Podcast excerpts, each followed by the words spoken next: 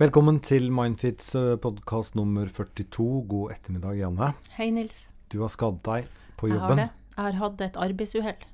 Nå jobber jo jeg som eh, psykolog, så jeg sitter jo mest i ro, så det høres helt utrolig ut, men jeg klarte altså et ribbein på kontoret mitt. Jeg snubla.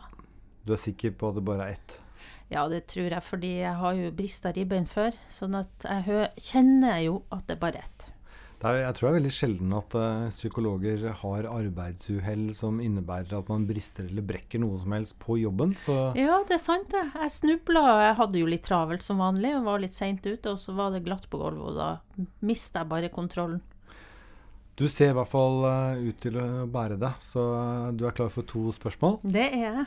Uh, og vi må også bare si at takk skal dere ha for uh, veldig mange gode, interessante Ja. spørsmål. Og så håper jeg også at uh, dere legger merke til nå at vi prøver å få denne frekvensen uh, litt mer ukentlig. Fordi det er, det er mer enn nok av gode spørsmål der ute Ja. som vi da håper at vi kan være behjelpelige med å svare. Ja.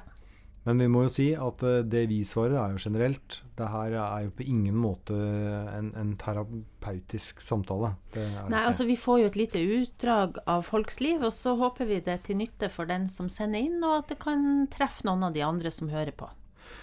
Da tar vi det første spørsmålet, og da leser jeg. Ja. Hvordan kan jeg hjelpe min partner som tenker bare negative tanker? Han har hatt en vanskelig barndom og har hatt store tap som voksen og har blitt deprimert etter dette. Han klarer ikke å se noe positivt i livet, og han går bare og tenker negative tanker både om seg selv og om livet generelt. Det er mye sinne, frykt og hat.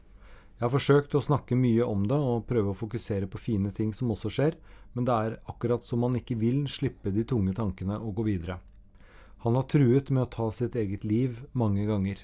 Jeg har prøvd å motivere ham til å søke hjelp, men han sier han ikke orker det. Jeg vet ikke hvor mye lenger jeg kan klare å leve i dette, men er redd for hva han kan gjøre med seg selv om jeg går. Hva kan jeg gjøre for å hjelpe til? Det høres jo ut som dette er en, en alvorlig situasjon for den innsenderen. òg. for jeg tenker, eh, oppi det her så blir jeg også opptatt av eh, hvordan hun har det. Fordi det høres ut som hun lenge har vært den eneste som snakker med sin samboer, og som prøver å hjelpe han.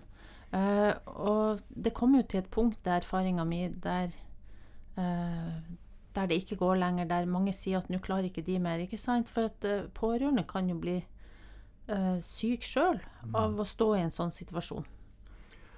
Ja, øh, og så er det jo altså, Her er det jo to-tre ting hun hun spør om, men for å ta det siste først, da.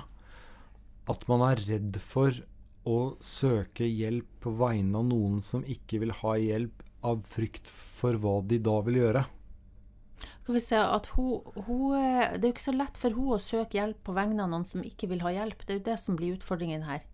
Fordi eh, ingen for, altså det, det å få helsehjelp uten at du sjøl vil ha helsehjelp, da skal det jo være alvorlig psykisk lidelse. Og ut ifra det lille jeg leser der, så får jeg ikke inntrykk av at det er snakk om det. Det er ikke snakk om at det er berettiget å, å legge noen inn på tvang.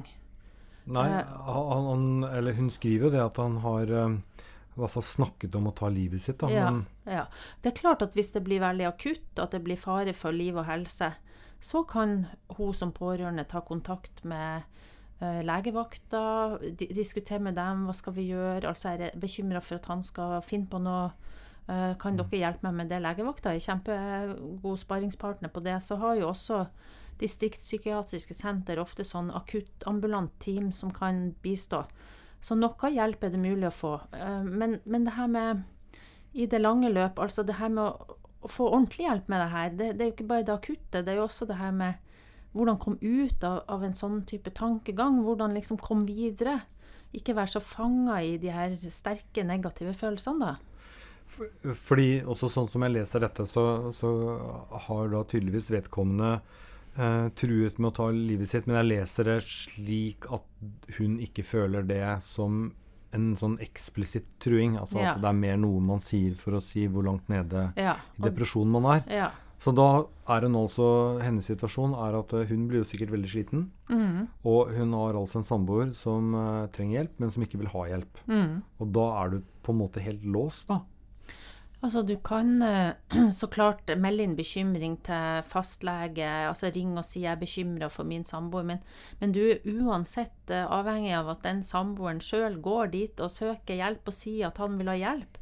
Du kan jo allikevel ha erfaring med at pårørende som, altså som til slutt blir veldig tydelige på at vet du, nå må du søke deg hjelp, for nå klarer ikke jeg mer, jeg klarer ikke alene å hjelpe deg med det her det erfaringsmessig eh, kan bidra til at folk eh, skjønner sjøl at oi, fordi dette belaster jo også eh, de som ja. er glad i meg.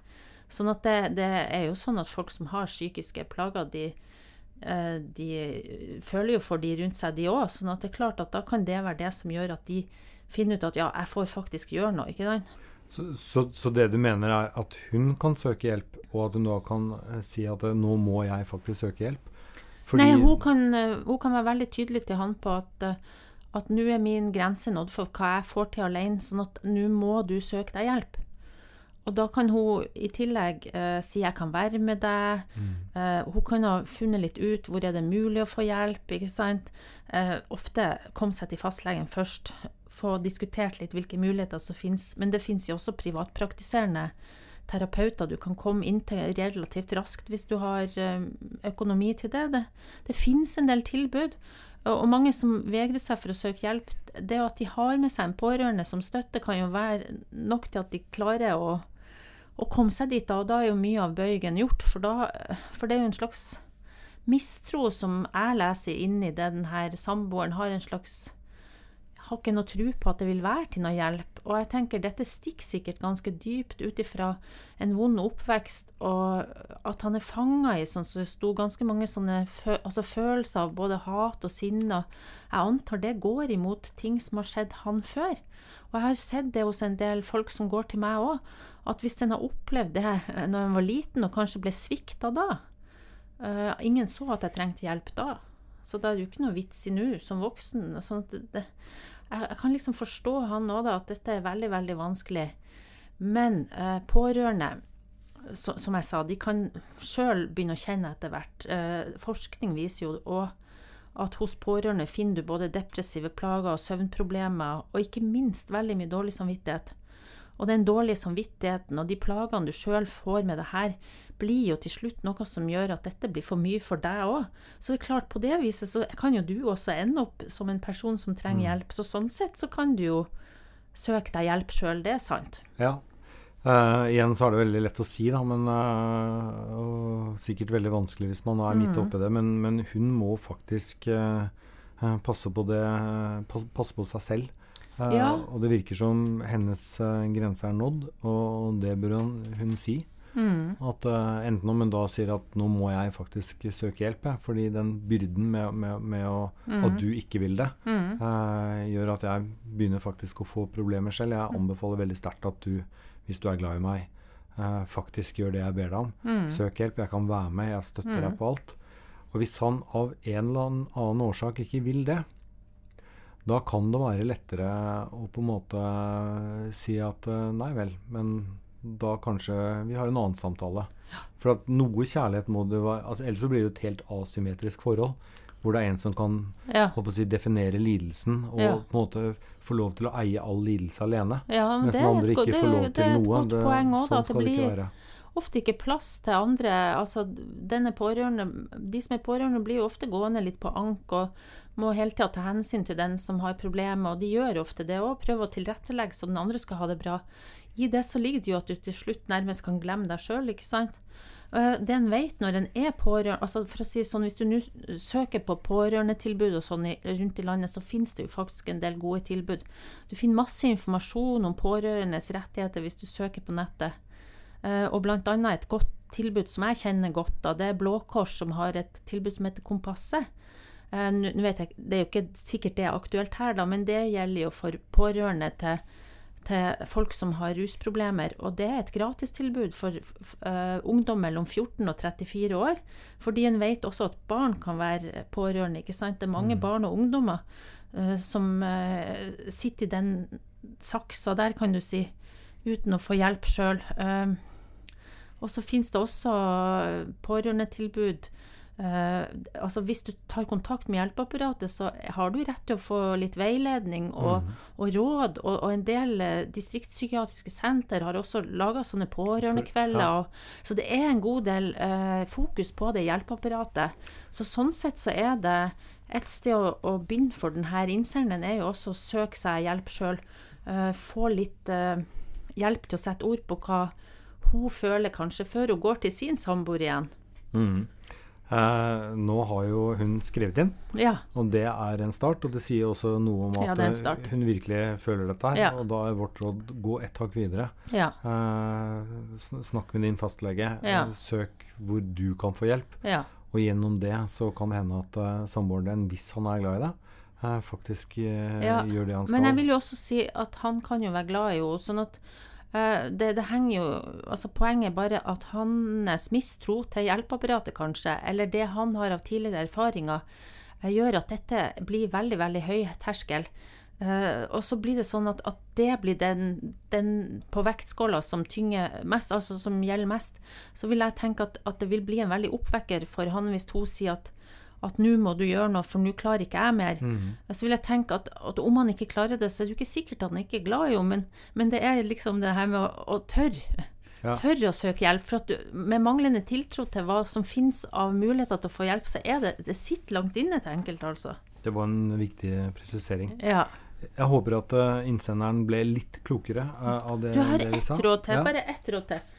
Fordi uh, det her med å være pårørende, som er veldig, veldig viktig, som jeg har sett, det er å prøve å leve et normalt liv som mulig sjøl. Altså det, det som, hvis alt skal organiseres rundt uh, den som har de psykiske plagene eller et rusproblem, altså sånn at hvis den som er, har psykiske plager er deprimert, så må vi, uh, da kan vi ikke gå i den middagen, eller ok, da skuff deg treninga fordi nå må jeg være med han, for nå er han deprimert igjen, eller nå har samboeren min drukket, så nå Ja, alle planer går liksom etter hvordan den som har problemet, er i sin psykiske form. Eh, og et godt råd er å prøve å opprettholde disse tingene du har planlagt for din egen del allikevel. For hvis du slutter å gjøre det, så mister du noe veldig viktig mm. i forhold til å ta vare på din egen helse. Ja. ja. Skal vi ta et spørsmål til? Ja. Da leser jeg. Uh, hei. Før var jeg overhodet ikke engstelig for noe, men etter noen skumle episoder med panikkangstfall styrer angsten livet mitt. Jeg gikk i ca. et halvt år uten å vite at det var et panikkangstanfall, så jeg var sikker på at jeg var alvorlig syk. Tanken om at jeg kommer til å falle sammen på bakken og at jeg mister kontrollen, gjør at jeg blir kortpustet og får ikke luften helt ned i magen i situasjoner jeg føler jeg ikke kan få panikkangst i. Og når jeg ikke får pustet skikkelig, blir jeg enda reddere for at jeg kommer til å dø. Jeg er også veldig redd for døden i seg selv og de eksistensielle spørsmålene. Har dere noen tips til pusteøvelser, tankeøvelser som kan brukes i disse situasjonene? Tips om å håndtere panikkangst og vanskelige eksistensielle tanker. Egentlig så er det her et veldig stort spørsmål der vi kunne brukt uh, mye tid på flere elementer. Men, men det hun, er det hun eller han? Fikk du inntrykk av det? Det vet jeg ikke. Nei. Men det denne innsenderen beskriver veldig godt, er jo den der uh, panikksirkelen som som eh, skjer når du har eh, opplevd et panikkangstanfall. Ikke sant? Fordi veldig ofte beskriver folk som har panikkangst, at uh, det kom helt bardus på dem. Altså de, de beskriver at plutselig bare kom det kasta over dem en dag. Og det er klart de blir fryktelig redd, fordi det er veldig sånn sterke fysiske uh, symptomer. Ofte en eller annen utløsende faktor, altså kjenne deg svimmel f.eks. Og så uh, begynner du å få litt sånn feilslutninger rundt det. 'Å, det her er farlig. Mm. Eh, kanskje jeg er syk.' Denne innsenderen beskriver jo eh, at noe alvorlig galt med meg. Altså har jeg gått og tenkt at det er noe alvorlig galt med meg. Eh, og så kommer redselen.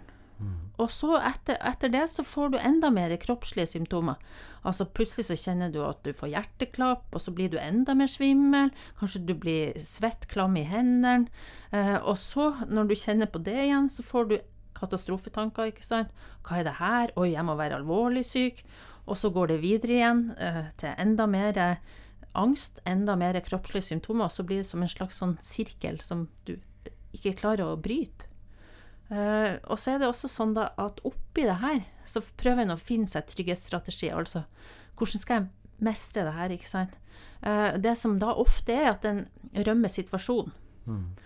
Eh, en tenker 'oi, dette er farlig, jeg må hvis det er på butikken, f.eks. Ja, hvis, hvis, det, du, hvis dette skjer på butikken eller på en restaurant, så kan det begynne å, å bli et mønster der en unngår butikken, unngår å fære ut og spise.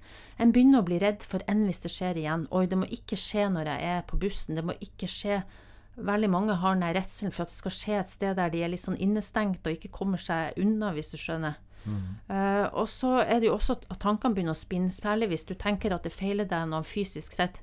Så begynner tankene å gå på hva er det? Hva er det jeg kjenner egentlig? Hva kjenner jeg i brystet? Det stikker i brystet. Åh, gud, enn hvis det, så begynner du å google. Det er mange som gjør, ikke sant. Er det noe med hjertet? Og så blir du enda mer sikker på at det er noe. Eh, Det er veldig, veldig krevende å ha det sånn, og det er veldig vanskelig når du først har fått det sånn, å komme ut av den sirkelen. Men, men jeg, altså, dette er jo noe du helt bombesikkert har uh, hatt i terapi. Ja, ja, Og, og så da, da liksom, og vi har jo hatt noen spørsmål som har gått ca. på det samme. ja. Eh, så liksom angsten for angsten er jo én ting, og så må man finne eh, liksom sin mestringsstrategi som ikke handler om å stikke av. Altså du ja. må stå da, i det. der er det sånn hårfin balanse. Det, det, det er litt sånn vanskelig, rett og slett. Det som kan være gode strategier, sånn som en, pust, en type pusteteknikk, det kan, til, det kan også bli en trygghetsstrategi som ikke hjelper deg. Så mange sier jo at de har lært det der med pust, annet. At de må puste ned i magen. Uh, og så får de ikke til det, så blir de enda mer redd. Eller de bruker veldig mye tid på å prøve å puste ned i magen når de får de her plagene. Uh, så en, altså en type mestringsstrategi kan bli en trygghetsstrategi som bare opprettholder angsten, fordi uh, du blir helt sånn avhengig av å gjøre den strategien for å liksom komme unna angsten, hvis du skjønner. Men, men det er jo litt fascinerende nå, da. For det, det er jo en del kroppslige um, ting som skjer Mm. her. Eh, og det virker som heller ikke kroppen skjønner helt Oi, hva er det som skjer nå? Så den går Nei. i sånn full beredskap. Ja, riktig. Du må nesten kognitivt fortelle kroppen at Ja. eh, slapp av, det her er faktisk ikke noe farlig. Og så er det det, det, som er veldig Et kjempeviktig poeng er jo å skjønne at det ikke er farlig.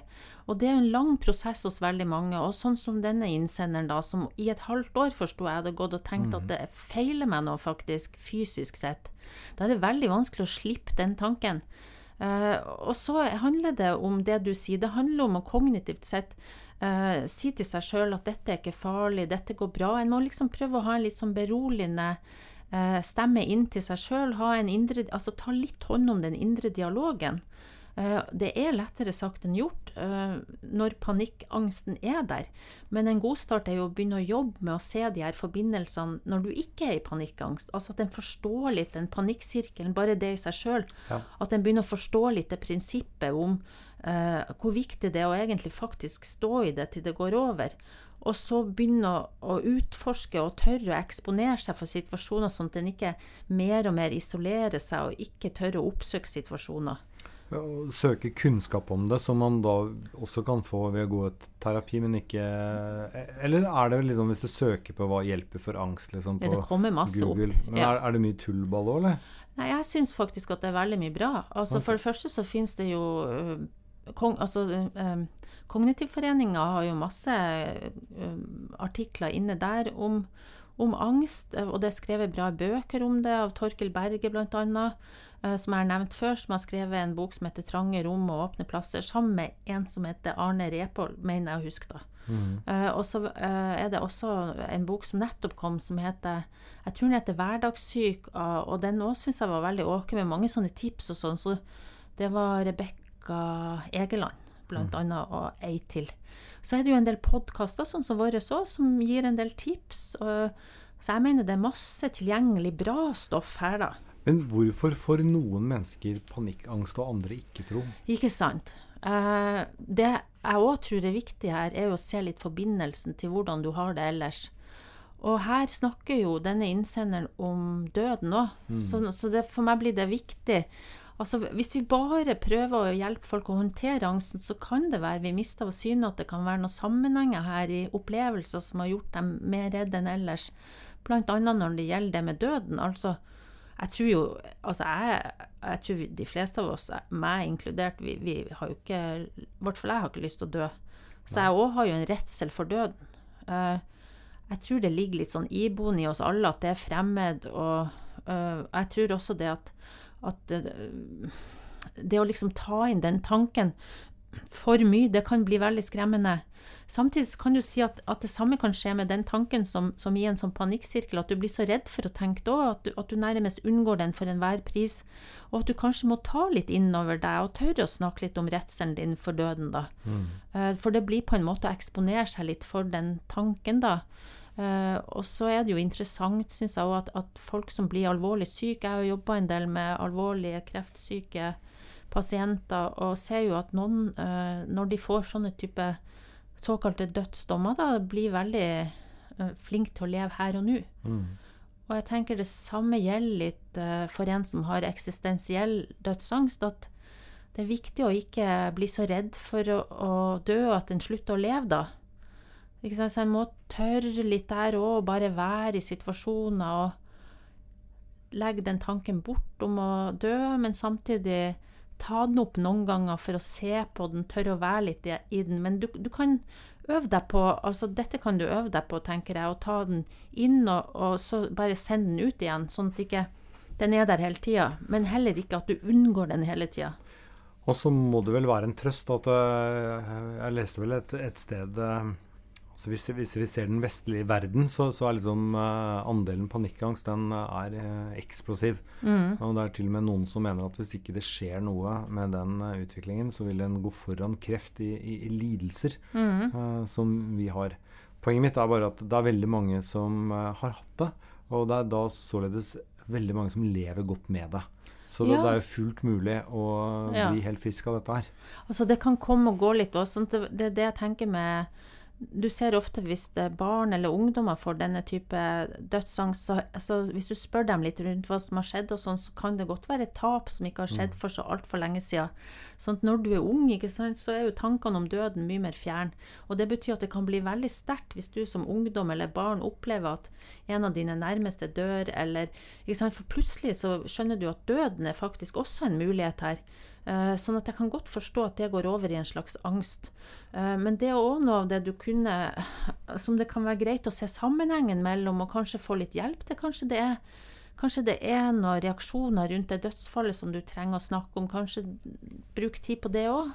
For det kan jo også være at eh, panikkangst egentlig er hva skal vi si, kroppens måte å si at Hør nå her, nå tror jeg du har liksom uh, stappa en del ting i skuffer og, og låst dem. Så her er det litt lurt å gå et hakk tilbake og reflektere litt. Ja, det kan være hendelser, det kan også være stress, at du har kjørt deg veldig hardt over lang tid. Det, det er flere som beskriver at det var da de fikk det.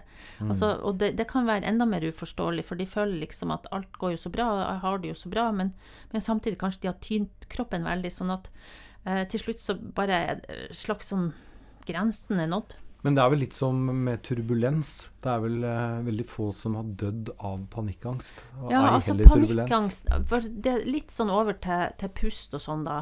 Eh, jeg personlig tenker at, at det å, å ha for mye fokus på at du skal puste riktig, det blir ikke, det blir ikke bra når du har den type panikkangst. Eh, Uh, og, men du kan, en, en sånn enkel pusteøvelse jeg pleier å lære folk, jeg tenkte jeg kunne ta den. Mhm. Eh, vi kan prøve den sammen. Ja. Ja, for det som er poenget da, det er at du skal puste inn med nesa. Hvis du teller til fem En, to, tre, fire, fem. Så holder du pusten der. En, to, tre, fire, fem. Og så puster du ut med munnen. En, to, tre, fire, fem. Mista du pusten der, Nils? Nei. Nei. Så det en gjør da, at en teller Altså, man må se hvor, hvor, eh, hvor eh, fort du skal telle, da. Ja. Ikke sant? Inn med nesa, og så hold, Hold, ja. og så ut med munnen. Mm. Det er en sånn enkel pust som kan være beroligende. Eller noen av de ungene som går til meg, de lærer å puste i firkant, så de liker det veldig godt. Så da skal du følge en firkant. Altså, her har du en sånn PC-skjerm som faktisk funker veldig bra, men det er ikke helt firkant. Hva er det det heter? Det er en sånn avlang, rar Men det er egentlig bedre. Ja. For at da uh, puster du inn mens du følger liksom ytterkanten på den. Og så skal du holde pusten nedover. Og så puster du ut uh, på nedkanten, hvis du skjønner. Og, så, og så holder du pusten oppover igjen. Det er bedre egentlig ikke med en sånn firkant, men det er bedre med en sånn Hva kaller du det? Rektangel? Er det? Ja, kvadrat er firkant, og Ja. rektangel er Så, liksom sånn at prinsippet er litt det samme, at den, men at den liksom istedenfor å telle, bare følger kantene, og så holder den, puster den inn, så hold den, og så pust den ut, ikke sant? Så det du liksom passer på da, er at man A får oksygen til blodet, og B du forteller hjernen din at den må gjøre noe repetativt. Ja. Som gjør at man ikke bare er 140% inn i angsten. Ja. Men så ser du også det jeg sa om, om, om at sånne strategier kan også bli til, til trygghetsstrategier som bare opprettholder angsten. Så det er hårfin balanse, det her, altså. Ja. Eh, Så det er viktig at det ikke bare blir brukt som en slags flukt, men også bare som et verktøy til å holde ut i situasjonen, hvis du skjønner. Det her syns jeg var et veldig bra svar. Som ja. Statistisk sett så skal det her hjelpe mange som hører på. Ja, det håper For det, det er veldig mange som, eh, som eh, Mange har dette her. sliter med det her. Ja. Så da sier vi eh, tusen takk for følget, og fortsett å skrive inn. Ja. Eh, Vi gønner på og skal dukke opp igjen neste uke. ja. Ha det bra. Ha det.